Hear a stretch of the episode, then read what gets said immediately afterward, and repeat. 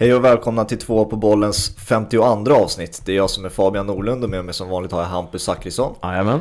Och jävlar vad det spelas mycket fotboll. Det är svårt att hålla reda på alla matcher som har spelats mellan varje avsnitt nu känner jag. Ja, verkligen. Det spelas matcher varje dag. Och eh, vi glömde också att hälsa alla en glad midsommar i förra avsnittet också när Max gästade. Men eh, vi hade ju en match på midsommarafton. Det är huvudmatchen i alla fall. Vi hade en del matcher på midsommarafton. Men huvudmatchen var ju Manchester United-Tottenham. Och det kändes som att det startade hela helgen nu som vi har haft med bra fotbollsmatcher. Eh, vi kan ju börja där helt enkelt nu när vi ska summera ihop det vi har sett. Eh, vad tyckte du om den matchen? Nej, jag måste liksom, jag försökte smyga upp en liten iPad där efter middagen och sådär men jag hittade liksom inget, inget fokus, det var inget, liksom, jag hade kunnat kolla matchen så Men eh, nej, jag valde att lägga ner det där projektet efter en 10 minuter och vara med familj och vänner istället mm. eh, Så att, nej, jag såg inte så mycket eh, faktiskt Konstaterade bara att det blev 1-1 och Bruno Fernandes gör mål på en straff Ja, vi, vi fick en, eh, jag fick en bra break där mellan middagen och eh, en liten eh, drink där på senare på kvällen. Mellan de två händelserna så hade jag Manchester United och Tottenham där. Och, så jag fick se stora delar av den matchen, men det var inte det som tog mitt huvudfokus. Jag blev ju bara på dåligt humör efter den matchen för att jag, som jag gör, vill eh, lyssna på lite analyser eh, som har gått runt efter matcherna. Och det är inte alltid jag vill lyssna på Viasat, så jag söker runt lite. Så jag hamnar ibland på ESPN eller den här gången eh, Sky Sports. Och jag twittrade också om den här eh, ja, det är så som jag upplevde det i alla fall, att de här jävla TV-pandits som det heter i England, de är ju för fan bara så jävla pinsamma. Det är de här före detta fotbollsspelarna som ska försöka hålla sig relevanta i media och den här gången var det Roy Keane som har, som har ja, kommer tillbaka i tv hela jävla tiden och det, det, han vet ju att det enda som säljer för honom det är ju hans gnäll liksom. Han, det är ingen fotbollsanalytisk ja, Roy Keane ska ju vara arg och lite liksom rivig. Ja, alltså jag är så jävla, jag är så jävla trött på de här jävla gamla gubbarna som ska gnälla på hur, mycket, hur bättre det var förr och hur jävla dåliga alla spelare är idag. Han sa ju då att David de Gea är den mest överskattade målvakten han någonsin sett på länge, eller vad fan han sa. Och det, alltså, visst, han gör ett misstag, men vad fan. Alltså, och Maguire också, han ska inte få åka med eh, lagbussen hem till Manchester. Just det, det var bara att ta taxi. Ja, han ska ta taxin hem. Alltså, Ja, det var ju ett misstag som ledde till ett mål, men vad fan. Det, det är ju sjukaste jag har hört. David de Gea den mest överskattade målvakten någonsin. Ja, han tar i Roy Keane. Eh, vi kan ju vara mer nyanserade. Eh, tyvärr så har ju David de Gea haft eh, liksom för många misstag nu på ganska kort tid. Det är ju två säsonger här nu där det har mm. varit helt oförståeliga misstag. Eh, jag har faktiskt inte ens sett målen från den här matchen. Du har inte sett det? Nej, jag är okay. helt blank där. Men i och med att det målet får sådana reaktioner så fattar jag i alla fall att det är ett misstag även om Rokin kanske överdriver. Eh, så målvaktsfrågan i Manchester United är ju intressant. Ja. Eh, för att David de Gea har varit där så länge, en trotjänare. Eh, och liksom säkert hjärta, stort hjärta för klubben men han är väl i ärlighetens namn kanske inte tillräckligt bra för att leda Manchester United tillbaka till där de vill vara. och så har man en utlånad Dean Henderson till Sheffield United som ja, i min mening är alltså topp tre målvakter i ligan. Eh, det är kanske Ederson och Alisson som är före honom. Mm. Eh, han är grym. Eh, och det känns som många liksom ja, men också underskattar, underskattar Dean Henderson samtidigt som man överskattar David de Gea.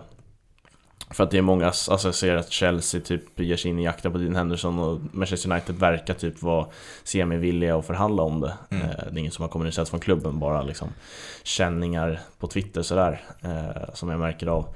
Eh, jag tycker att Dean Henderson är en grym målvakt och liksom, jag tycker att David de Gea borde få nästa år på sig att konkurrera med Dean Henderson. Mm. Vinner David de Gea den kampen, ja men perfekt för Manchester United, då är han en jättebra målvakt. Eh, och vinner Dean Henderson den kampen, ja perfekt, då har man ju en målvakt för de nästa 10-15 åren också. Mm. Så att målvaktsfrågan är ju prekär i Manchester United. Men det, det, känns ju som att då är det ju en hyfsad nivå på David de Gea ändå, om han ändå ska konkurrera mot ändå, ja, säg topp 5 målvakten i Premier League som är Dean Henderson då. Då är ja, det ju en hyfsad nivå på de Gea ändå. Absolut. Så att det är inget sägande av Roy Keane som säger I'm flabbergasted, eller vad fan han sa. um, och Ja, alltså de här, det finns flera namn i den här Sky Sports-studion som jag är så otroligt jävla trött. De enda som är bra det är ju Jamie Carragher och Gary Neville som har varit där sedan 2012 nu. Ja exakt, och de, eh, de har ju mycket roligt tillsammans så jag tycker de, som du säger, de är ju bra. Eh, sen Roy Keane satt väl bredvid Patrice Evra i den här Ja, studion. han, han är också usel. Jag tror jag aldrig har sett ett, eh, en citat komma ut från Patrice Evra. Alltså inte ens ett dåligt citat. Han är bara där för att skratta. Han måste ju vara otroligt mellanmjölk. Ja, han är usel. Och sen den, den mest hatpersonen, det är inte Roy Keane. Den mest hatperson, den mesta hatpersonen, jag vet inte hur jag ska eh, säga Nej, det. den jag hatar mest så jag vänder på det. Den jag hatar mest i den där Sky Sports-studion, det är Graham Souness. Ja, men han har väl något personligt mot Paul Pogba. Ja, Och vad är det för någonting? Alltså han, ja, jag tror inte han, han har väl antagligen inte sociala medier för att han är ju 80 plus. Så att det är någonting, han vet ju inte om att han, alla skrattar åt honom mer än att ta honom allvarligt i, Nej, så i här, en kanske studio. inte. Det känns inte helt säkert att han vet det. Och som parentes av den här matchen då, hur jävla skönt var det inte att se Paul Pogba spela igen? Ja, jag har ingen aning, men... Du som inte Eh, såg det, matchen. Nej men det kan jag tänka mig. Han är ju, han är ju en fantastisk fotbollsspelare när han vill när han vill spela fotboll helt enkelt. Han kan ju se väldigt loj ut. Mm. Eh, men jag har ju sett några clips eh, efter matchen på Twitter sådär med några sköna långbollar han får fram. Eh, så att, eh, nej han känns ju, han känns ju som att han kommer bli en viktig del av Uniteds Mm. slutspurt här. Eh, och det betyder ju mycket för United såklart. Under den här corona-breaket så i och med att jag inte har ett lag som jag nästan känns som att tjatar om i varenda avsnitt men då är det ju mer under det här corona-breaket så kände jag att jag såg fram emot spelare Alltså vissa individuella spelare spelar jämt som Ronaldo, Messi, Hazard och alla de här. Men jag insåg inte hur mycket jag skulle, eh, hur, hur jag skulle känna för att Pogba kom tillbaka för att Just för att han, man har inte sett honom spela regelbundet sedan september, det är snart ett år sedan liksom. Och nu när man ser honom tillsammans med Bruno Fernandes på ett innermittfält, det är, inte nu kanske, men det kommer bli, säger jag, Premier Leagues bästa mittfältsduo. Det, alltså, det, kanske, det var typ två, tre tillfällen man såg där, alltså de gjorde grejer som kommer alltså, slå ut vilket försvarsspel som helst i Premier League. Det är så otroligt bra spelare nu, så att alltså United har ett projekt ändå nu. Det- Ja, det får, om de får bygga runt de två spelarna så är det ju två världsstjärnor. Mm. Eh, Paul Pogba är det redan och Bruno Fernandes känns som han har all potential till att bli det. Mm. Eh, så att absolut. Eh, Och sen Rashford eh, där framme som inte heller är helt, helt dum. Eh, så att absolut, de har ju många fina spelare. Eh, känner mig fortfarande osäker på om Ole Gunnar Solskjaer är rätt, rätt man att leda Såklart. det skeppet framåt. Men just nu har de ju spelare som kan vinna matcher på egen hand. Mm. Vilket de inte hade för, ja, säg sex månader sedan. Mm. Våra, våran mediaansvarige är Gurra Tidestad vill att vi också ska diskutera idiotin över att det springer runt eh, spelare nu med 3-15 cm längre hår på varenda fotbollsplan i Ja, England. det är sån jävla volym på vissa frisyrer. alltså, spelare som Trent Alexander-Arnold, eh, Oxlade Chamberlain. Jag tyckte det var extra påtagligt faktiskt i Liverpool-Everton-matchen. Ja. Eh, det är ruggig volym som de, man aldrig har sett dem i förut. Har du sett bilden på Townsend? Andrew Townsend i Crystal Palace. Den tror jag swishar förbi. eh, också otrolig volym. Ja, eh, det är ju spelare och människor som inte har haft tillgång till frisör just i England för att det är lockdown. Så det är de jag som... vet inte heller hur det ser ut i de nya liksom, i protokollen för att färdigställa säsongen. De kanske inte får gå till frisören eh, trots att eh, de är öppna. Eh, sen har väl de här eh, tillräckliga kontakter för att kanske ringa hem någon frisör som kan ha eh, ansiktsmask på sig och sånt där. Ja. Eh, men eh, samtidigt är det, är det ett projekt och det är väl dumt att, dumt att chansa liksom. Jag har läst många engelska, inte fotbollsspelare, men engelsmän och alltså generellt som har tagit många onlinekurser för att lära sig att klippa sig själv. För att eh, alltså, man inte har tillgången till en frisör längre så de lär sig klippa sig själv. Och det kanske är någonting fotbollsspelare behöver Ja, det är ta sig an också. någonting för Townsend i alla fall. Ja, verkligen. Jag tog fram bilden här. Han Ja, ser ju... vi har den framför oss här, fy fan vad är han Alltså jag tycker ändå också att Chamberlain och Trent Alexander-Arnold, deras frisyrer håller ju ihop någonstans. Townsend spretar ju något Ja. fruktansvärt. Det är som Det är annan nivå, på, också. annan nivå på afro alltså. Eh, men i och med att du berörde Everton och Liverpool så vi kan ju ta den. Eh, stämmer det nu att Liverpool kan vinna ligan mot Manchester City? Ja, det är ju mycket, det är väl en del matcher som ska spelas innan det. Eh, till att börja med är det Manchester City-Burnley. Mm. Eh, vinner Man City där så kan inte Liverpool vinna titeln mot eh, Crystal Palace och då blir det mot City eh, på Etihad som man kan ta det. Och det låter ju rimligt. Ja, exakt. Jag tror inte Burnley har så mycket att hämta mot Manchester City. De såg de såg ruggigt stabila ut mot Arsenal. Mm. Ett uruselt Arsenal i, för, förvisso. Ja, vi kommer till det. Men Burnley är ju inte heller ett jävla supergäng så att nej, jag tror City vinner det ganska komfortabelt. Men det är fyra poäng som behövs mm. för mm. Liverpool om City vinner sina matcher. Och så då är, då är det ju seger och sen ett kryss eller seger mot City på ett igen. Och det är åtta omgångar kvar nu va? Så som jag... Ja, exakt. Ja. Eh, det känns alltid som att det är kryss på Goodison Park på ett Merseyside-derby. Ja, och det... Och alltid en snusfest. Ja, men exakt. Det är väl inte bara en känsla, det är också, också facit nu. Det är verklighet. Det är väl fyra av fem senaste som har slutat 0-0 ja. och det femte var Mané som stöter in 1-0 i typ 93 mm. eh, Så att Everton har ju, i alla fall på Goodison, eh, verkligen lärt sig hur man hanterar hanterar Liverpool till en 0-0 i alla fall. Mm. Eh, och i ärlighetens namn var väl Everton närmast att vinna den här matchen. Mm. Eh, enkom för att Dejan Lovren kom in i matchen. Eh, det var ju så, de, de, vill inte, de vill inte spela anfallsfotboll i 70 minuter och sen kom Lovren in och då kände de fan grabbar, vi har en chans att vinna den här matchen. Bolla mot Dejan. Så, så sprang Richarlison där och skapade ja, matchens liksom, tre bästa lägen. Mm. Så att Ancelotti gör det bra. Eh, samtidigt som liksom ingen fara på taket i Liverpool. Det här, det här har man varit med om för Det var första matchen efter uppehållet. Det såg inte bra ut men eh, liksom, det kan man inte heller förvänta sig riktigt. Var det någonting nytt du såg som Liverpool kanske har testat under lockdown, eller inte lockdown, men under, under den här perioden de har tränat innan uppstarten? Nej. Eller var det samma gamla ja, vanliga? Det var, det var samma gamla vanliga. Jag tycker att eh, Minamino gör en riktigt fin första halvlek. Eh, vilket vi såg på Twitter, liksom, var någon som la upp någon rolig bild om att Minamino var kass. Mm. Eh, det, fan, då, förstår man inte, då, liksom, då såg man inte matchen. För att han var, jag tycker han var Liverpools bästa spelare i första halvlek. Eh, liksom var, var livlig, påhittig, vann tillbaka boll. Mm. Eh, så det var kul att se, jag tror att han han liksom den här coronaperioden har gjort honom gott i att han får växa in i dels privatlivet i Liverpool och England och sen också i, i systemet Liverpool spelar. Så att eh, nej, det var, det var gamla, samma gamla fina Liverpool trots att de inte var bra i den här matchen. Det var ju en urusel insats där inte, inte någon kom upp i nivå egentligen. Eh, och Klopps byten liksom, lyckas ju inte med någonting egentligen. Det kändes som att han bara bytte för att han kunde. Ja. Alltså, vi har fem byten, då bara byter vi. Exakt. Bara, nu kör vi. ja men liksom, också Chamberlain är helt vaskad på en högerkant. Han ska ju vara centralmittfältare. Mm. Eh, och det var... Ja, Gomes tvingas han ju byta in på vänsterbacken. Eh, är ju inte hans normala position. Så att, eh, nej, det var ju... Jag vet inte, det var ju en snusfest.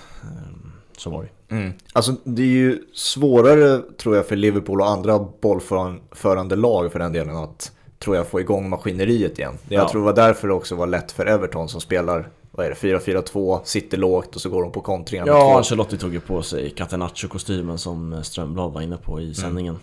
Alltså, eh, så att, äh, gör det ju bra, det är mycket lättare att mm. försvara sig i en 4-4-2 ja. Eh, ett spel som egentligen alla fotbollsspelare kan ja, Och i och med att Liverpool är ju, det är ju mer ett kollektivt baserat offensivt lag. Så att de, de har ju inte de här individuellt kreativa in i mittfältarna, de har ju Jordan Henderson liksom. Ja, så att när de inte har den där nyckeln som en Paul Pogba och Bruno Fernandes, liksom, då behöver hela det där kollektivet funka. Och när det inte gör det, då, då ser det ut som en 0-0 match. Liksom, ganska ja, rakt igenom. Ja, det kändes ju ganska tidigt i alla halvlek att det kommer krävas liksom, något extra från en individuell spelare. Mm. Eh, och det är ju Firmino, Mané och Salah som brukar kunna plocka fram det där. Eh, Divock Origi också har ju haft sina stunder. Mm. Eh, men nej, ingen, ingen kom upp i nivå av de tre där framme egentligen. Det är ju nästan ett, alltså det är ju ett meme i sig liksom, nu när det är 0-0 och så är Origi inne på ja. plan. Det är liksom, på något sätt har det blivit så att nu, det här är en Origi 1-0 vinst liksom på något sätt. Det känns som att liksom, det händer mer ofta än sällan.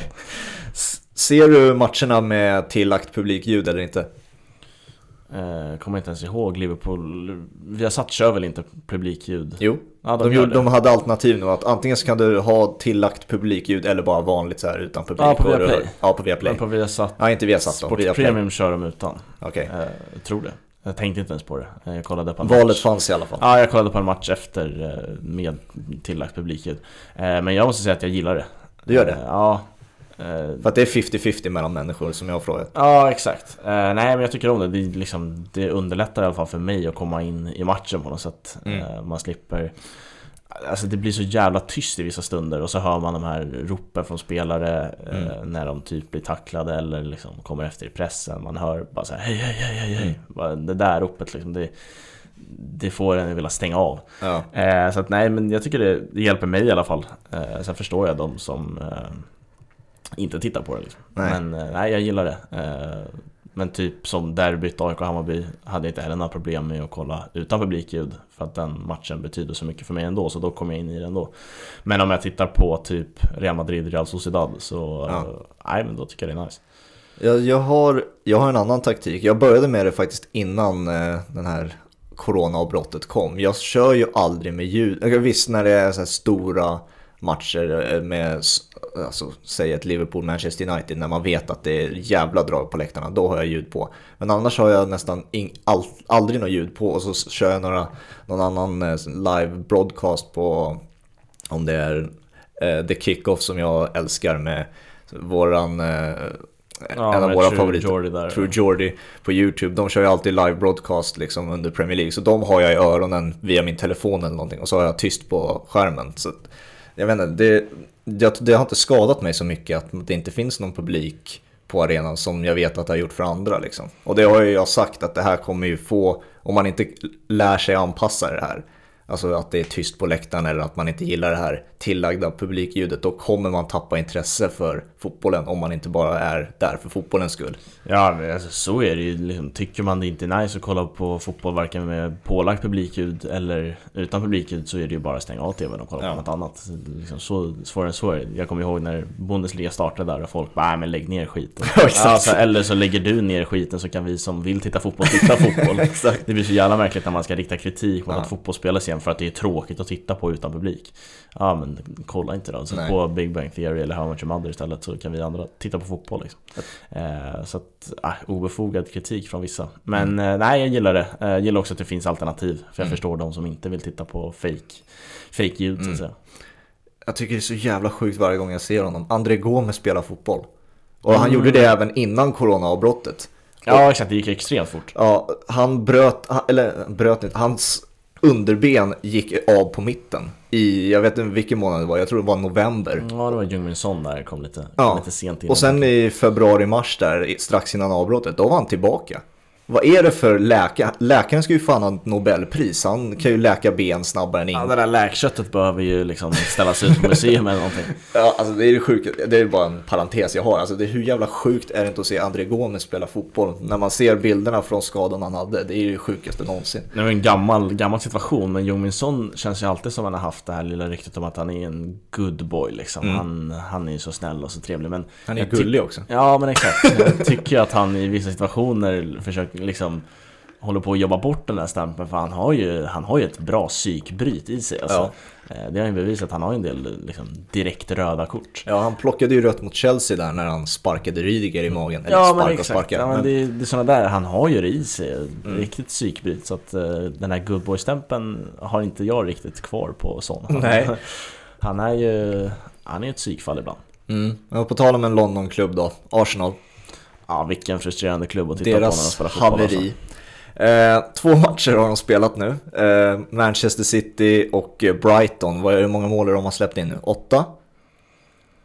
Ja hur många blev det mot City ens? Nej, inte åtta. Det blev fem. Fem Ja. insläppta mål. Det var inte så farligt då. Det Men, som City, City liksom gick easy on dem. ja. Eh, alltså City-matchen i sig, liksom inget konstigt att man förlorar den. Men man hade ju absolut noll intentioner att spela anfallsfotboll. Mm. Eh, man försöker men man kommer ju ingenstans. David Luiz plockar ju alla headlines. Ja, exakt. Eh, och den liksom gjorde ju så mycket mer skada än så. Eh, David Luiz blir avstängd och typ blir oanvändbar för resten av säsongen. Mm. För så där kan man inte bete sig i ett försvarsspel. Och hans kontrakt går ut. Under tiden tror jag hans röda kort är... ja, ja, det är en jävla spännande Ja, situation. hans kontrakt går ut nu i slutet av juni och han all- han har alltså... ja, är han är tre... första juli. Ja, exakt. Ja. Så hur fan löser man det? Ja, det blir intressant. Och sen eh, Pablo Mari, uttrycksskadad. Som Eh, ser jävligt bra ut när han spelar. Ja, jag tycker att han, eh, han ser intressant ut och han är ju inte, han är inte heller någon eh, ung back man har plockat in på lån för liksom att utveckla honom utan han, han är ju 27 tror jag. Mm.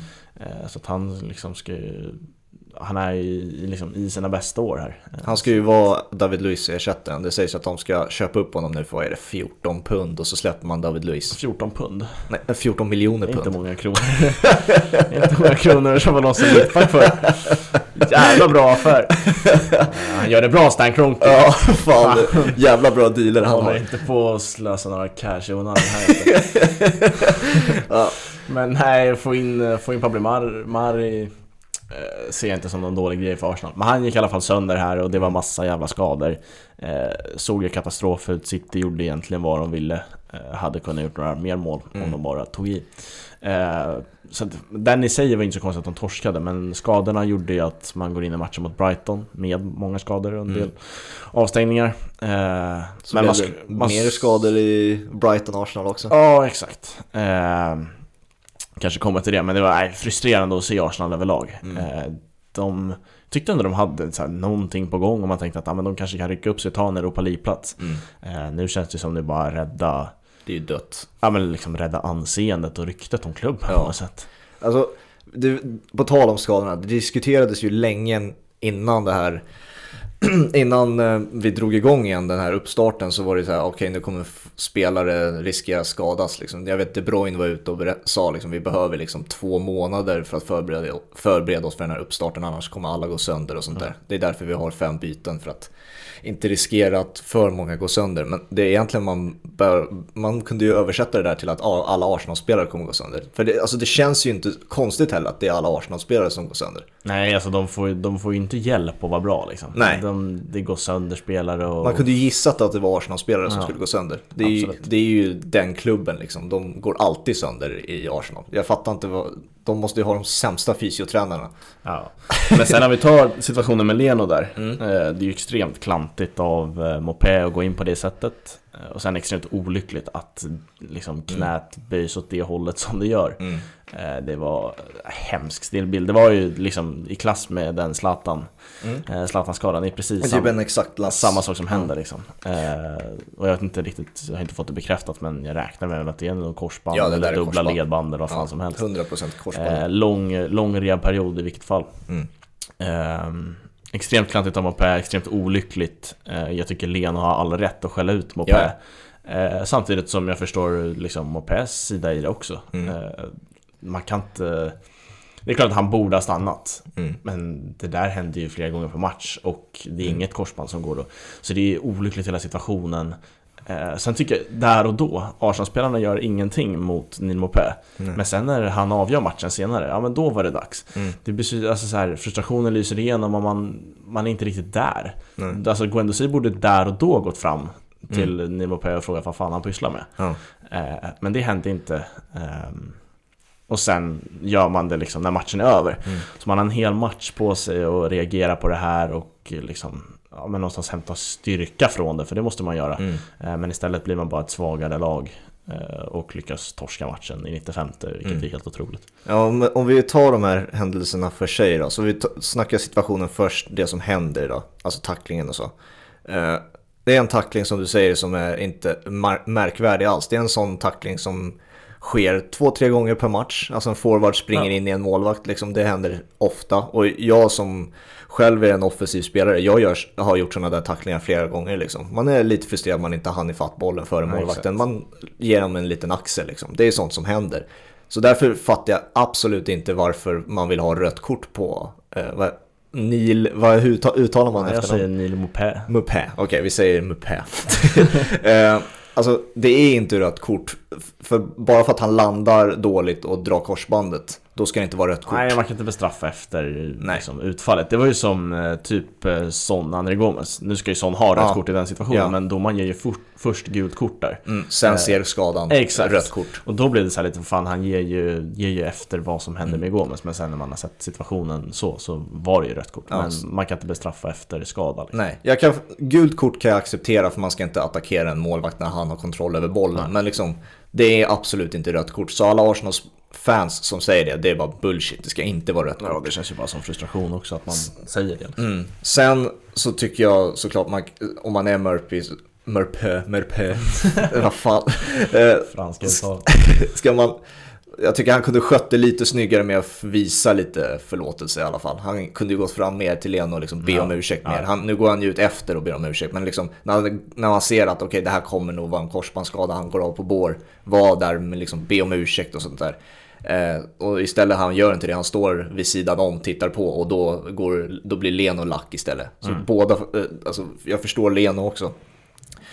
Sen så tycker jag att det är så jävla starkt om man än, han kanske inte brydde sig överhuvudtaget, men det är jävla starkt att sen, och sen fortsätta spela och sen göra avgörande målet 2-1. Jag tycker det är starkt, starkt Ja, psyke. ja, han visar i alla fall inte på mycket liksom, empati blir svårt att visa i en fotbollsmatch där man alltid vill vinna, men absolut. Alltså, det, tror- det hade inte varit något konstigt om man var skärrad över att ha liksom, förstört Nej, tio månader av Lenos karriär. Exakt, och det är ju många som gör det, säkert många som hade blivit, alltså bett om att bli utbytt. Alltså många som inte pallar med att tänka sig, ja nu skadade jag en spelare här liksom. jag vill inte spela någon mer. Liksom, återgå till Son Gomes situationen, Son var ju helt förstörd. Mm. Eh, liksom, Ja, han typ- grät ju. Mm. grät Ja, men exakt. Jag kommer inte ihåg om han fortsatte spela så, men man såg ju på honom att han, Han fick rött, så nej han fortsatte inte Ah, spela. såklart. det har varit jävligt sjukt. Eh, men eh, nej, som du säger, starkt psyke av Mopé och Ja. då kliva fram och vinna. Eh, och verkligen straffa Arsenal för deras Mm. slapphet. Och sen som du säger, det som händer då efter, det är det efter slutsignalen de Arsenal-spelarna Ja. attackerar. Är så Guendouzi tar ett strypgrepp på honom då. Alltså Guendouzi är som feg alla fotbollsspelare. Så frustrerande att se honom gå fram och ta ett stryptag när klockan är på, på 97.00 och domaren blåst av för en minut sedan. Mm. Ja men okej, liksom gör något på matchen. Mm. Kör ett tjuvnyp, kapa Mopé, ta Ja. ett gult. Ja. Men gör inte efter matchen, det betyder ju ingenting. Nej. Antagligen så kommer väl eh, FA titta på det där och komma fram till att ah, men vi stänger av om en match eller någonting. Ja, Eh, för det såg inte vackert ut på, av det lilla man han, han se innan hela, hela jävla laget eh, omringade Mopé. nej. Alltså ja, det är, det är ju hela situationen, hela matchen nästan med Arsenal-Brighton summerad där. Och det är ju liksom, det blir Arsenal återigen som, de torskar matchen två gånger i en och samma match känns det som. Alltså de Nej. förlorar fotbollsmatcherna, sen förlorar de också ja, anseende alltså, när det kommer till hur de behandlar eh, motståndare och hur de tacklar en situation som alltså, är inte allvarligare än att deras bästa målvakt har tyvärr dragit korsbandet. Det är Ja, tyvärr det som är problemet. exakt. Det händer tyvärr ganska många, många lag att eh, Ja, spelare drar korsbandet. skada, exakt. Det är, liksom, det är inte de något hanter, nytt. hanterar ju situationen på ett värdelöst sätt. Ja. Eh, och eh,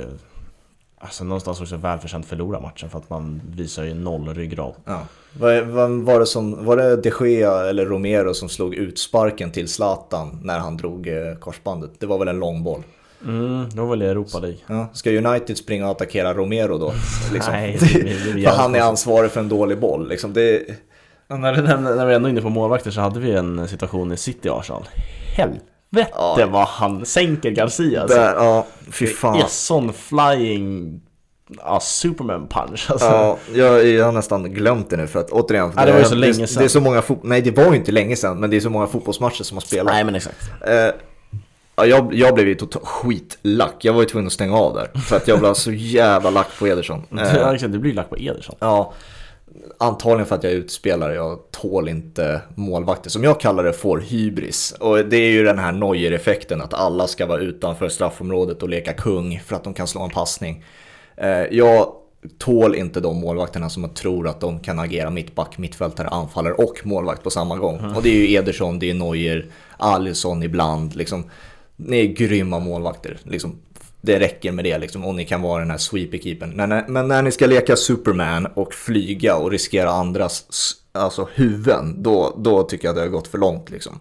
Det tyck, det, jag, kallar det, jag tycker att det är hybris för att det är en boll som kommer och han kan liksom vänta in en sekund till och fånga den i straffområdet. Men istället ska han flyga ut, nicka och så då har han ju knäna uppe vid huvuden som kommer mot målvakterna. Då. Och alltså den, den smällen som händer, det är ju liksom, ja, det, han kan bryta nacken, han kan liksom, det, det är ju en Ah, ja, hemsk det, är, smäll. det är en hemsk smäll. Eh, jag kan avstå, liksom, han gör ju ett felbeslut. Mm. Eh, tyvärr så blir det felbeslutet liksom, får ju mycket större konsekvenser än när en spelare gör ett felbeslut och slår bort en pass till Mm. exempel. Eh, så liksom, jag förstår att han går ut och vill rensa och det är väl också någonstans hans uppdrag. Mm. Eh, att vara den där sweeper-keepern. Mm. Eh, sen är han ju otroligt feltajmad och det, liksom, det blir ju inte bra. Mm. Eh, men han, ja, fan hybris, det blir så jävla svårt att säga att han har det i och med att det är hans uppdrag att göra det där. Eh, Inte utanför straffområdet, som det blir. Ja, jag är tycker inte att det är hans jobb. Om, alltså, jag tror Pep Guardiola tycker liksom i sig att han, han gör rätt där. Såg du hans reaktion? Alltså Nej. Pep Guardiolas när båren kom förbi. Nej. Han tittade inte ens på Garcia. Nej, men Garcia är- ligger typ halvdöd på båren. Och Ja, men- Pep liksom, han, han går, alltså, båren går precis framför honom. Alltså, Alla människor hade liksom kollat, alltså, sagt Mm. Ja. någonting eller lagt en hand eller något. Pep han, han kollade inte ens på båren. Vad är det för jävla sinnessjuk människa som inte kollar på sin egen spelare som potentiellt har brutit nacken? Ja, men jag, tror, jag tror i sig att eh, Pep Guardiola är liksom nöjd med Edersons ingripande. Det är det där han vill att Ederson ska göra. Ja. Eh, agera, agera libero. Eh, sen går det ju åt helvete. Det, är ju liksom, det där är ju... Alltså domaren hade ju brutit matchen direkt i UBFC där liksom. Mm. Ja. helvete vad det smäller. Ja. Eh, och eh, ja, liksom glad över att Erik Garcia verkar, verkar okej i alla fall. Mm. Eh, på de bilderna man har sett efter. Jag tycker det är lite, lite för mycket överbeskyddande på målvakter. Ja, Alltså, det är väl lite inne på också. Eh, Alltså vi har en situation Neuer, Higuain där. det är exakt det exemplet. Exakt det exemplet Där. Neuer får frispark. Mm. Alltså det är alltså, Vi snackar ju mycket situationer så ni får youtuba de här om ni Ja. inte har koll på dem. Men det, nästan exakt samma grej händer med Higuain.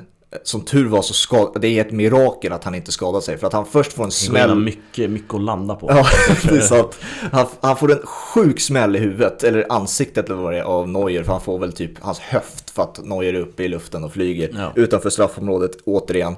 Och han, han får den där smällen och så bara flyger hans bakhuvud ner i backen. Som, alltså om det hade varit asfalt hade liksom spräckt hela bakhuvudet antagligen. Så på något mirakelt sätt så studsar Higuain alltså rätt upp och han är, han är helt okej. Men alltså återigen, det kan ju vara värre än en hjärnskada liksom, på det där liksom. Och Men det, i den situationen får ju alltså Neuer frispark. ja, det är så jävla sjukt. Och det, det, liksom, det kan ju köpa att okej, om Ederson och Neuer kan vara ute och flyga på de här sätten och liksom fullständigt eh, köra över folk. Då måste man sluta blåsa frispark för liksom, i hörnsituationer där en spelare går upp i en nickduell med en målvakt. Mm. Eh, där man egentligen inte gör något fel utan att det kanske ligger en arm på målvaktens axel eller något sånt där. Eh, och det är väl överlag liksom en överbeskyddande av försvarande laget som Ja. alltid får frispark i små situationer. Men framförallt keeprar som ja, liksom får ju... Nu blir det svårt att bestraffa Ederson i och med att han sänker en egen spelare. Mm. Ganska säker på att han hade fått rött kort om han sänker en Arsenal-spelare. Mm. Eh, så, men ja, just, just situationer där keeprarna blir liksom för beskyddade på något sätt. De, I fotboll har de lika mycket skydd som en utespelare. Mm. Eh, I hockey är man ju mer utelämnad och liksom jag förstår att eh, det är en annan grej där. Mm. Eh, men i fotbollen så är ju liksom målvakten är inte större än någon annan så. Nej. Eller mindre än någon annan. Nej. Eh, så att det ska inte överbeskyddas på det sättet de gör kanske. Nej, det var en tanke som slog mig också. Det, här, alltså, det, ju, det är en sjuk tanke för att det är, ja, man, man diskuterar det aldrig. Men om man är en sådär jävla idiotisk klantig som Ederson är i det där läget. Kan man inte få rött kort? Även fast man attackerar sin egen spelare. Det hade ju lika gärna kunnat vara, vem är det som springer bredvid Aubameyang som är typ två centimeter Ja. ifrån det andra. Alltså jag tycker just den här situationen är så olyckligt att han sänker Garcia. Mm. Eh, hade, hade Ederson utanför spelet gått och dragit en knytnäve i Garcias ansikte, ja men då ska man väl ha rött kort så, så kan man inte bete sig på en fotbollsplan. För att Newcastles två spelare som fightades, när fan var det? 2006? Ja men exakt. De slogs ju mot varandra, två medspelare, de fick båda rött kort. Ja, jo men så kan man väl inte bete sig på fotbollsplan, men jag tycker ändå Edersons avsikt i den här situationen är ju att få bort bollen. Eh, det blir olyckligt. Eh, lite som eh, Nino Pär mot El- Leno. Mm. Hans avsikt är ju inte att dra korsbandet på Leno. Nej. Men det sker. Eh, det är det här är ju sjukt mycket farligare spel. Än vad... Ja, absolut. Nej, det blir svårt att bestraffa Ederson, tycker jag. Tänk, tänk om det knät hade landat på Aubameyangs huvud då istället. Ja, hade, då det blivit, det- hade det blivit rött? Ja, då är det rött kort och en 4-5 matcher Ja. stänger. Det är väl det jag tycker, kan inte Ederson få rött för det här också? Ska Arsenal ha frispark då? det, det, nej, eller alltså man... Spelet pågår. Nej, men man, eh, vad, vad heter det? Uh, man droppar bollen. Ja, vad heter det? Ja, ett litet nedsläpp. Nedsläpp, något sånt. Jag vet inte vad man kallar det. Nej. Det behöver inte vara frispark åt något håll, men alltså det tycker jag kan vara... Tyck, jag tyckte det var konstigt att det inte um, diskuterades ens. Mm. Att det kanske borde ha varit rött på Ederson. Trots att det var på egen medspelare. Alltså, vi har en del situationer den här, den här fotbollsveckan som har gått med VAR och Goal Technology. När vi ändå är inne och rör vid det. Mm. Eh, så kan vi ta Sheffield United mot Aston Villa. Ja. Nej, det är sån, jag vet inte vad som händer alltså. Bollen är alltså inne i Aston Villas mål. Ja, det ser man ju på varenda spelare. Ja. Eh, liksom Sheffield United-spelare, alla drar upp händerna i luften, de fattar att det är mål. Eh, kollar man på Nyland, keepern, han ser ju så skyldig ut så att det är, det är läskigt. Men han, ju, han ligger ju i nätet med bollen i famnen. Ja, tittar mot domaren och väntar bara på att han ska blåsa mål. Ja.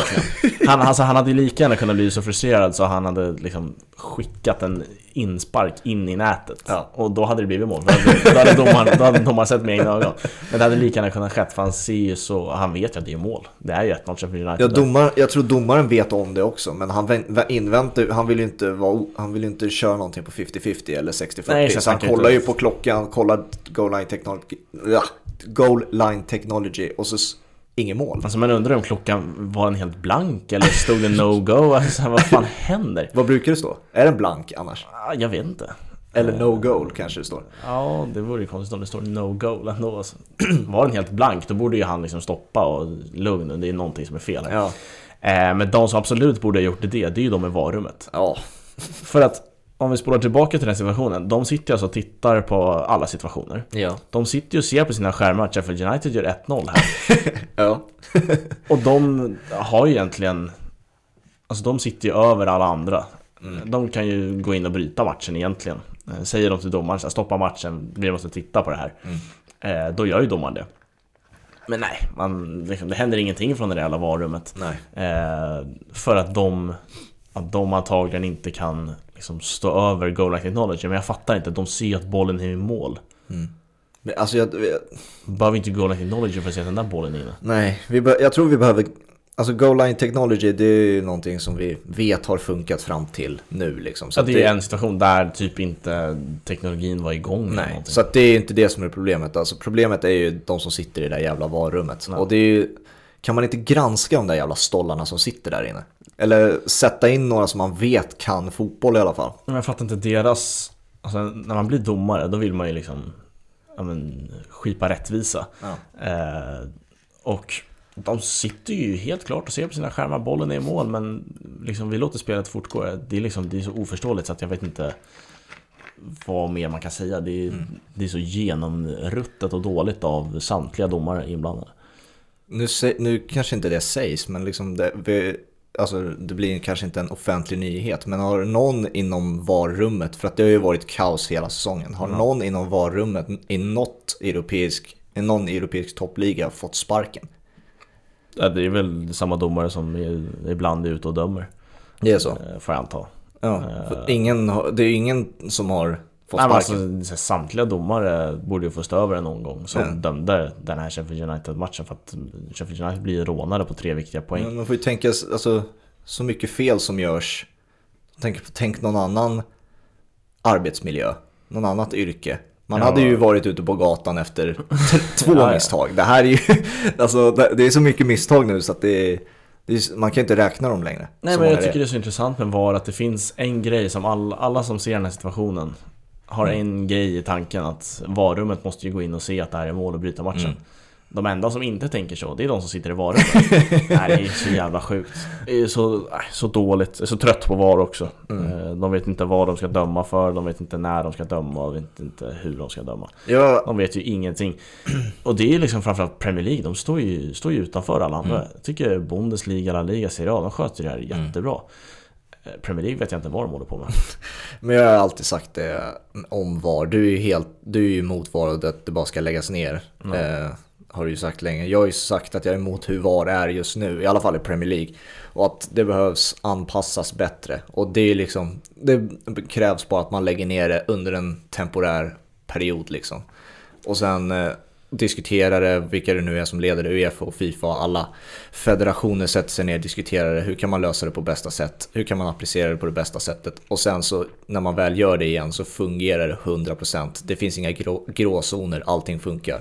Alltså framförallt i Premier League, dels måste ju varummet vara liksom fokuserade och påkopplade under 90 minuter. Mm. Vilket de absolut inte är. Nej. Eh, och sen måste man ju släppa på den här, jag vet inte, arrogansen. Börja använda skärmen. Den Mm. finns ju där av en anledning. Har det gjorts än i Premier League? Nej, jag tror inte det. Eh, de var, det var ju någon omgång de sa att så här, nu, nu kommer vi börja använda den om vi behöver den. Mm. Eh, men det har de inte gjort ännu. Nej. Eh, alltså så här, det blir mycket bättre om huvuddomaren får ut och titta på situationen. Mm. Det gör de ju alla andra europeiska Ja, toppligor. Ja, liksom Har man använt VAR då kan man inte säga så här, "Ah, men det ska gå fort. Mm. Alltså, ja. Nej, har man sagt att nu använder vi VAR, då får det ta den tid det tar. Även om jag som supporter hatar det. Mm. Men har man använt, använder man VAR får den ta den tid det tar och då ska det också bli rätt. Mm. Eh, Men jag tycker att Premier League lyckas ju eh, hitta, hitta ett felaktigt beslut i egentligen varenda omgång. Mm. Ska vi gå över till Sverige? Mm. Lämna VAR ett en liten Lämna stund. VAR och Premier League. Ja, det finns ingen VAR i Allsvenskan än, men Nej, det är ju fantastiskt. det kommer. Det är så jävla skönt. Eh, har varit en liten berg och dalbana för dig, för ditt lag, eh, sen sist vi pratade. Ja, verkligen. Eh, Man var ju rock bottom efter 1-4 mot Norrköping, vilket borde varit kanske 0-9 istället. Ja, faktiskt. Om Norrköping bara hade gått ut till andra halvlek och spelat. Mm. Eh, ja, det var hemskt. Eh, och då tänkte man, ja, man tänkte väl alla, alla sorts tankar att det här kommer ju sluta likadant mot eh, Bayern för att eh, Hammarby är ett ännu bättre lag än Norrköping. Eh, efter tre omgångar kan vi konstatera att de inte är det. Norrköping är riktigt bra så, men Mm. det är klart att det inte ska sluta 1-4. Eh, så att, är Hotar de om guldet?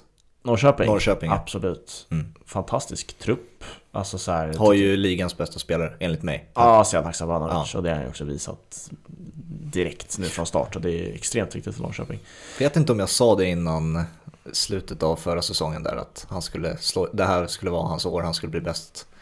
Jag tror Mm. jag, tror jag sa det Egentligen, förr. egentligen så skulle han ju bara spelat ett halvår. Mm. Eh, nu köptes han ju loss.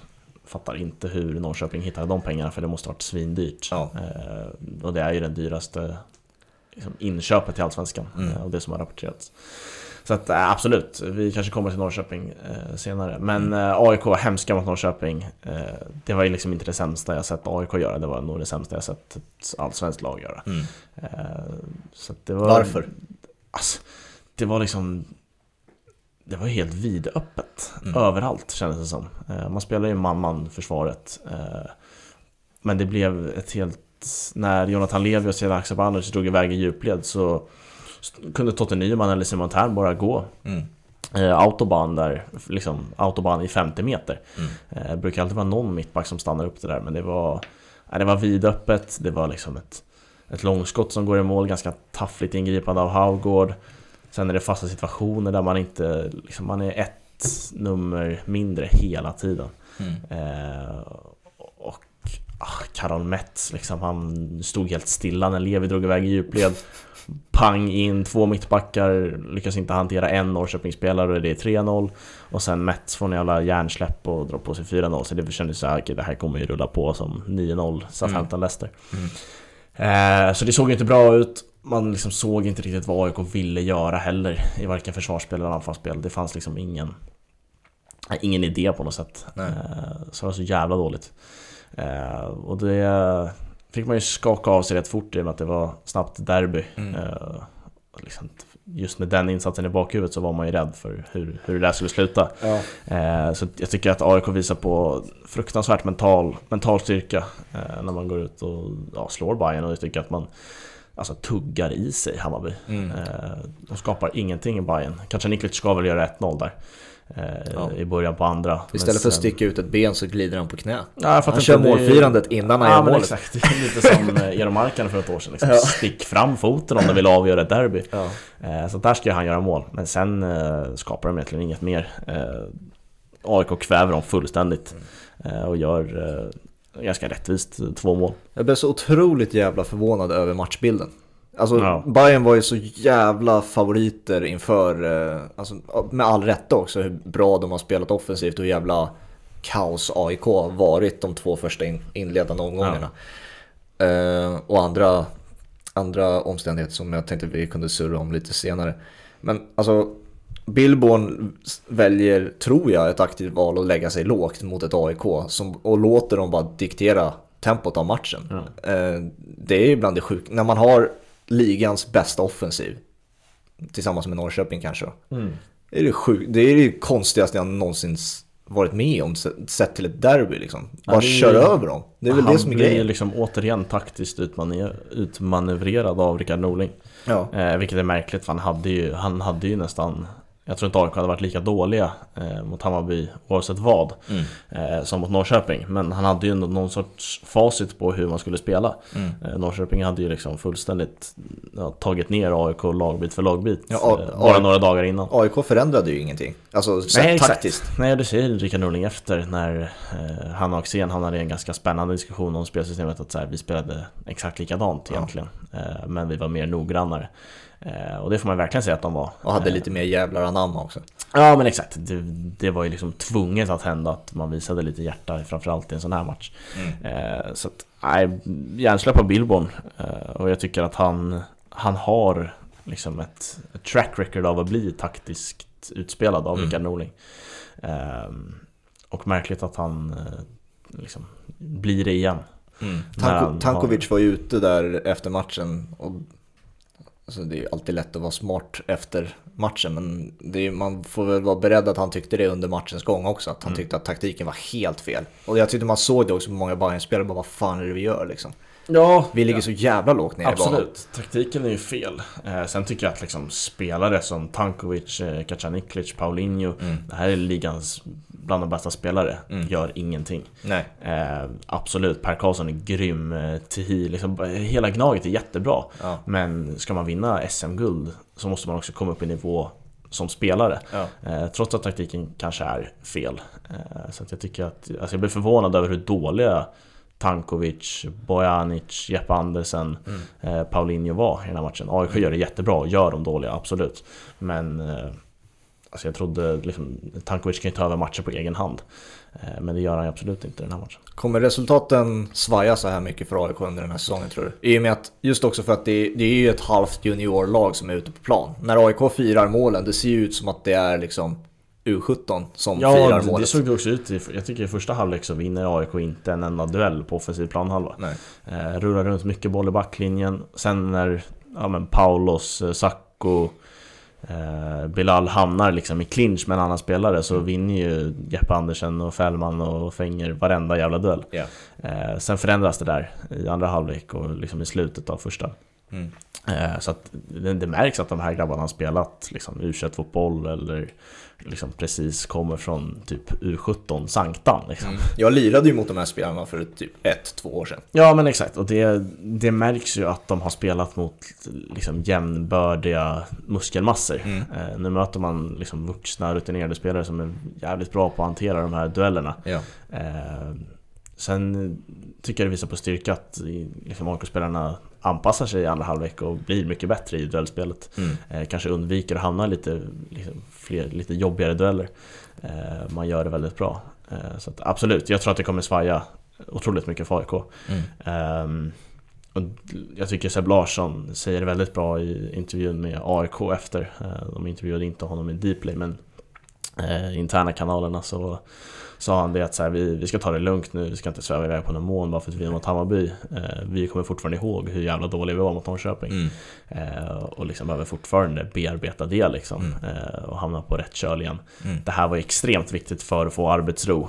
Eh, nu kan man ju typ åka ur kuppen och torska mot Malmö i ligan och det är fortfarande så okej men Fan, vi såg vad det här spelsystemet kunde göra Mm. mot Hammarby Hitta tillbaka till det, eh, jobba på det, men det kommer svaja Mm. eh, Unga spelare, nytt spelsystem Rickard Norling vet ju inte ens själv alltid vad Det här är en utvecklande period för honom Men säkert han säger det här är ju spännande. Jag vet inte vad Ja, som men kommer exakt. hända under matcherna. Så att, eh, nej, det, det kommer svaja rejält. Eh, jag tror inte jag tror inte AIK blir liksom någon guldutmanare bara för att man slår eh, Hammarby här.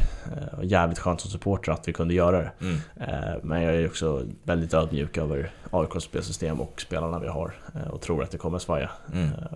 Men med den här höjden så liksom, fan, liksom gräver man fram det här i de absolut viktigaste matcherna så Mm. kan vi absolut bli ett topplag, det ska vi väl vara också. Mm. Jag ju, det, är inte, det, är inte några, det är inte vilka talanger som helst. Nej. Eh, Det är ju liksom bland landets bästa. Mm.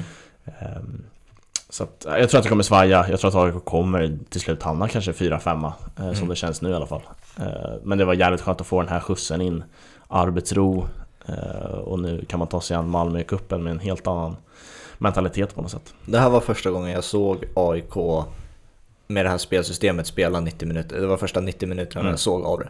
Och det som slår mig rakt igenom är otroligt jävla mycket mer de behöver springa än motståndarna Ja, ja. för att det ska funka. Och det är ju det som är det är det jag undrar. Kommer man palla springa så här mycket? För de gör ju det 100% den här matchen. De gör det jävligt bra. Eh, på sättet de lägger ner arbetet på i alla fall. Alltså allt de, de lägger ner 100% för att det ska funka och då funkar det. Men det, det, det känns som en omöjlighet att man kommer kunna klara det i så här många omgångar. Ja, det är därför jag tror det kommer svaja Ja. Alltså är inte AIK villiga att lägga ner arbetet mot Falkenberg Då kommer Nej. Falkenberg straffa Gnaget Ja. Eh, Så att man måste ju vara villig att göra arbetet hela tiden i 90 minuter Mm. Eh, Och då kommer det svaja när spelarna inte är vana vid det Mm. Eh, Förut kunde man falla ner i sin shape och liksom vila lite Mm. Nu är det bara att följa sin gubbe hela vägen Så det är just därför jag tror att det kommer svaja I och med att det krävs otroligt mycket Så det här Jag har inte sett några löpmässig statistik Men det här spelsystemet kräver ju mer än Jürgen Klopp eh, Ja, ja. Guardiola. Alltså, Det här är ju ett extremt krävande spel Alltså de måste ju ha sprungit mer än dubbelt än vad Hammarby gjorde. Känns det ju som. Ja, det känns ju så. Det känns ju verkligen som det. Alltså också, tänk vad jobbigt att som spelare möta det här spelsystemet när det är som bäst. Mm. Eh, Tankovic måste ju liksom hela tiden göra sig spelbar. Ja. I vanliga fall kan ju han få bollen utan att egentligen röra speciellt mycket och sen göra sin grej. Mm. Nu måste ju han röra sig redan innan han får bollen. Ja. Eh, och samtidigt Hammarby-spelare med honom. Så att, eh, otroligt frustrerande att möta det när det funkar som bäst. Otroligt kul att möta det här när det fungerar som sämst. Mm. Och det såg man ju ja, på bara två, två matcher. Så ur ett spelandes perspektiv, alltså ur en spelare, hur, hur jag skulle tänka att spela en, den här AIK-taktiken. Det jobbiga hade inte varit att springa utan boll eh, när man försvarar. Det jobbiga hade varit att springa utan boll när man har boll. För att när man väl har vunnit bollen med den här höga pressen, då är man död. Alltså tro Ja, mig, efter en hög press är man död. Och då vill man ju vila med boll och så rulla runt den. Men AIKs spelsystem när man har boll kräver ju att man ska röra sig också runt hela jävla plan, springa. Jag tittade på Bilal Hussein, liksom, han var ju på en högerkant mycket, men ibland så hamnade han på vänsterkanten och ibland i mitten. Liksom. Mm. Han rörde sig hela matchen. Det är en omöjlighet att palla det, i, först och främst i 90 minuter, så någon gång måste de ha vilat. Jag såg inte när, men de måste ha vilat någon gång. ja, så är det. Och man kommer behöva vila i, under en längre period och vara lite mer lat under vissa matcher. Och om de, kanske att de lyckas om de lyckas vila och vara lite mer lata om man säger så. Mot, mot ett sämre motstånd, säg Falkenberg eller Mm. vilka nu som kommer åka ut, eh, Östersund liksom. Då kanske man har råd att vara lite mer lat, men annars, annars måste man fan göra som man gjorde mot Bayern nu alltså. Ja, nej men alltså man får liksom helt enkelt instämma på Rickard Norling. Det är väldigt spännande Ja. att se det här spelsystemet, framförallt i Sverige också. Eh, Jag tror Mm. alltså, jag kan inte varje lagspelare där ute i världen, men det här känns unikt. Det här känns inte som Atalanta. Det är inte så här Atalanta spelar. Nej, nej, nej, nej. Eh, så det här är nog helt, det här är nog helt eget. Han håller ju på att uppfinna hjulet på nytt på något sätt. vilket man liksom hade, vilket man ville döda honom för efter Norrköping-matchen. Liksom. Mm. Fan, det här funkar inte. Eh, starkt mentalt att stå kvar vid det. Man bearbetar den förlusten och sen går man ut och gör en jävla fin match mot Hammarby. Mm.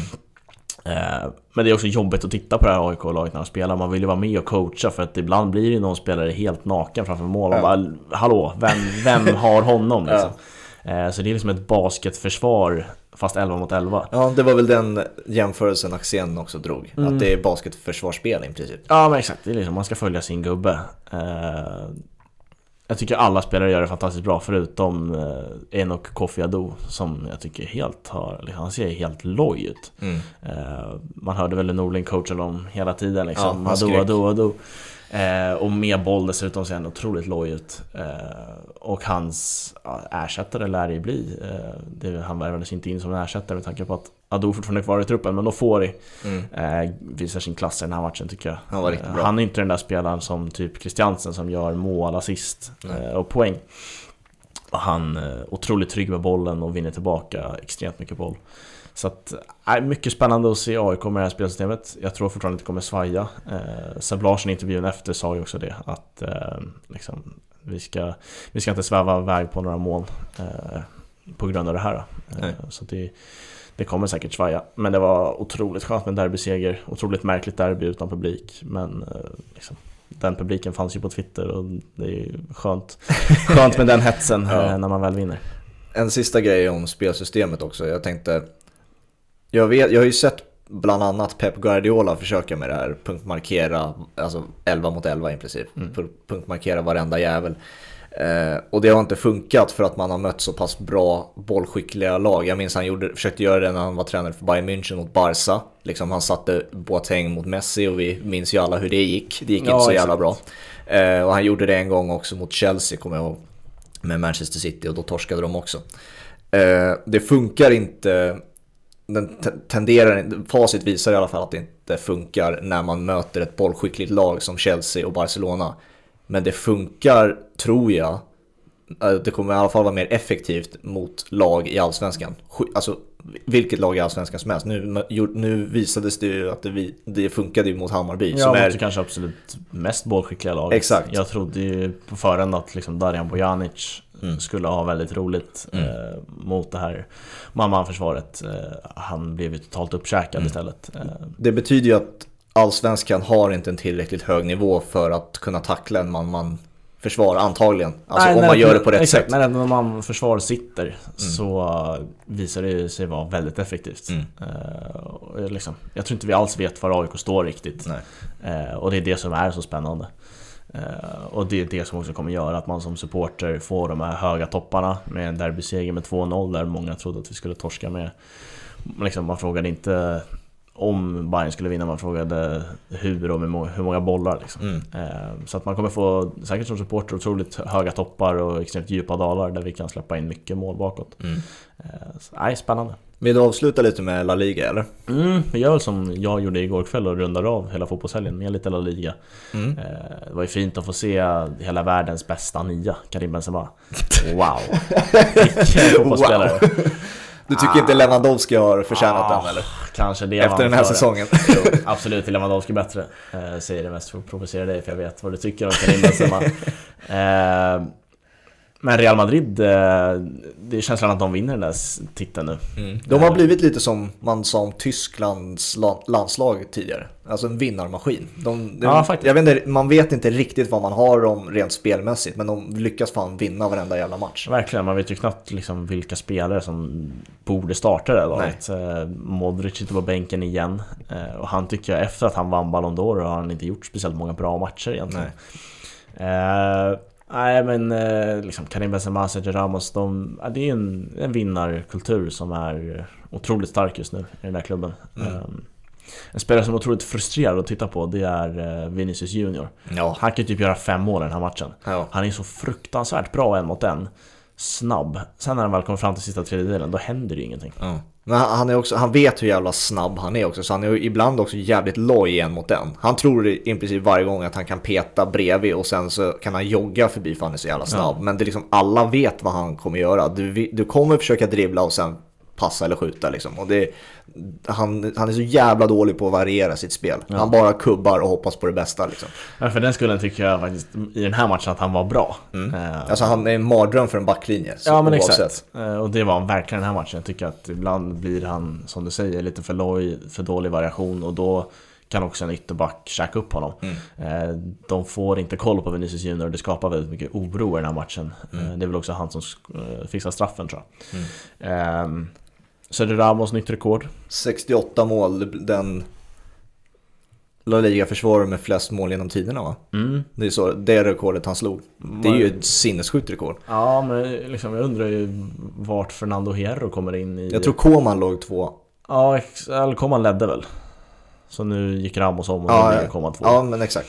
Ehm, men om Hierro räknas som någon mittfältare eller någonting, för känslan är att han gjorde mer mål. Hierro hade ju någon säsong med typ 20 mål.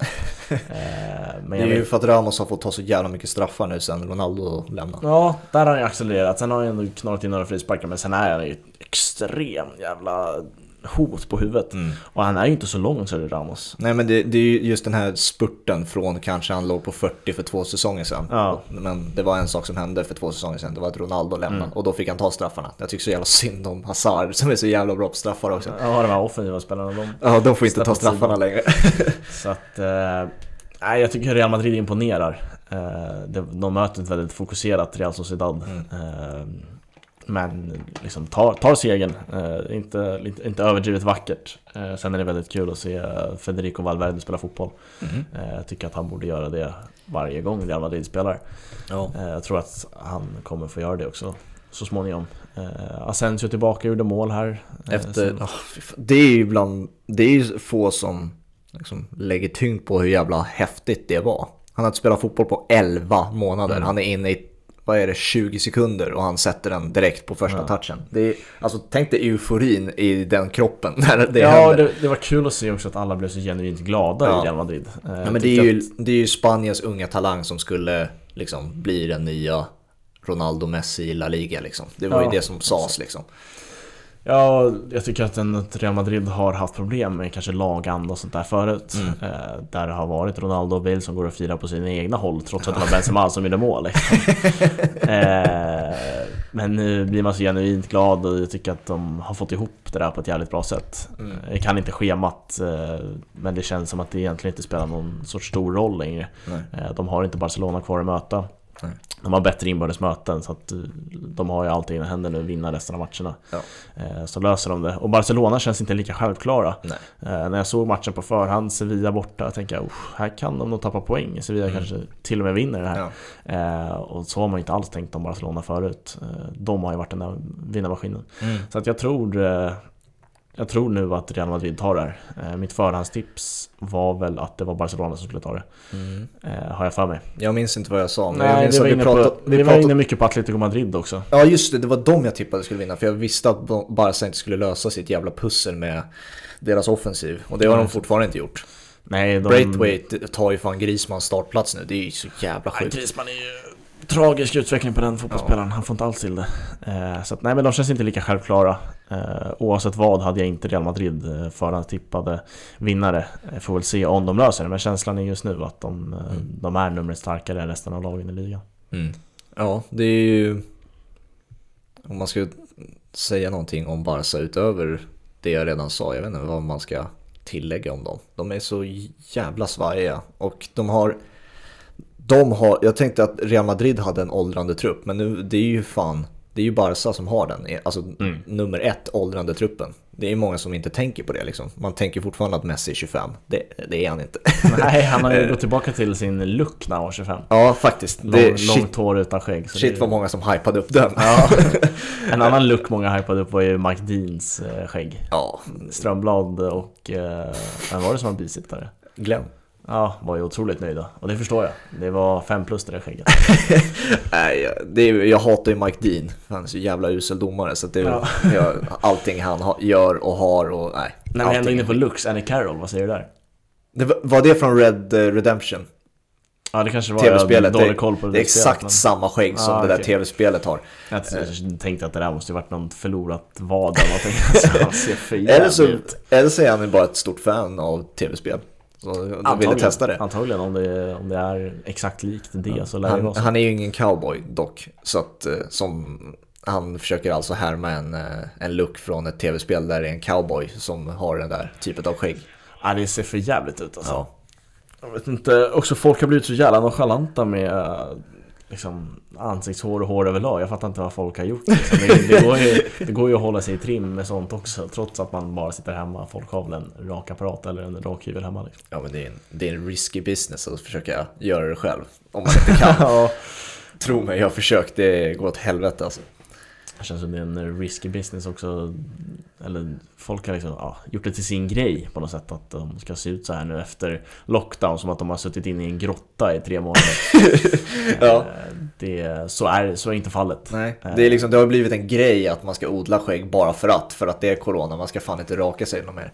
Farsan har ju det vet jag. Han har ju coronaskägg som Ja. man kallar det. Liksom bara, men du trimmar det, så du kan ju raka av hela skiten. Bara, nej nej, jag ska ha coronaskägg. Det, det ska markera en period här. Men Det känns jävligt skönt att vi är, vi är ute ur grottan nu i alla fall. Mm. Eh, så det är dags att göra sig sommarfin och eh, liksom njuta av den här fotbollen för att fan så här så här borde man ha det oftare och så här har vi det egentligen mm. Varenda vår och varenda höst och egentligen hela tiden förutom på sommaren mm. eh, Nu får vi det på sommaren istället och det nej, känns fint Ja, vi har ju grymt schema fram till eh, ja, augusti och sen även augusti när när det är Champions League och sånt som ska spelas. Vi, alltså, det är grymma månader och det är grymma eh, avsnitt från oss som kommer levereras. De är grymma gäster. Vi börjar nästa vecka med Kevin Bader som gästar och vi ska summera ihop hela Bundesliga-säsongen. Mm. Bayern München är ju mästare nu, men vi kommer ju gå från omgång 1 till omgång 38 egentligen. Och... Ja, det är 34 i Är det 34 i Bundesliga? Ja. Okej, okay, 34 då. Men äh, det är en spännande avslutning där. Mm. Äh, där Mönchengladbach och Leverkusen slåss om sista Champions League-platsen. Skiljer fortfarande två poäng, fördel Gladbach, tror jag. Mm. Äh, och sen är det Werder Bremen och något jävla brödgäng som slåss om sista kvalplatsen. Eh, och slippa åka ur direkt. Eh, mm. Såg också att laget helt utan ryggrad lyckades tappa in en boll i 93 i Zweite Bundesliga, Hamburg. Mm -hmm. Vilket gör att de måste få hjälp av Arminia Bilfield i sista omgången för att lösa en kvalplats. Så den lär ju också vara vara på tapeten när vi snackar med Kevin nästa vecka. Eh, för då stundar väl kvalet säkert någon vecka bort. Yes. Men eh, Hamburg har ett otroligt eh, facit av att släppa in mål efter 90 minuten. Vilket vi säkert kan ta fram statistik på inför nästa avsnitt. Ja. För det är sanslöst. Så håll utkik på det avsnittet med Kevin som kommer nästa vecka då. Eh, sociala medier Hampus? Ska mm. vi dra dem? Instagram och Twitter, även Facebook, TikTok, eh, coming soon. Men på Twitter är det två bollar bollen och eh, Instagram och Facebook två på bollen. Eh, så följ oss där. Eh, där ute ligger just nu också veckans mål. Tänkte typ köra cliffhanger på vilket mål det är men ni har säkert redan sett den när ni ja. lyssnar på avsnittet. Det är ju Gonzalo Guedes fantastiska mål från halvplan. Ska vi inte ta portugisiskt uttal på den? Gonzalo Guedes. Ja, Gedge. Gonzalo Gedge. Det finns många, många roliga namn man kan säga. man kan ta hela brasilianska, brasilianska landslaget och gå, gå igenom på det sättet. Ja, det är kul. Och så portugisiska, José Fonch och allt möjligt. Uh, vi gillar ju uttal. Du är ju expert på uttal. Jag är så jävla usel. Sorry för alla jag har dragit idag alltså. uh, så är det. Uh, det var ett kul avsnitt. Bra, bra klös i det här avsnittet. Ja, vi fick gå igenom mycket. Mm, och det, det gör vi nästa vecka igen. Så se fram emot nästa vecka så hörs vi snart igen. Det gör vi. Ciao. Ciao.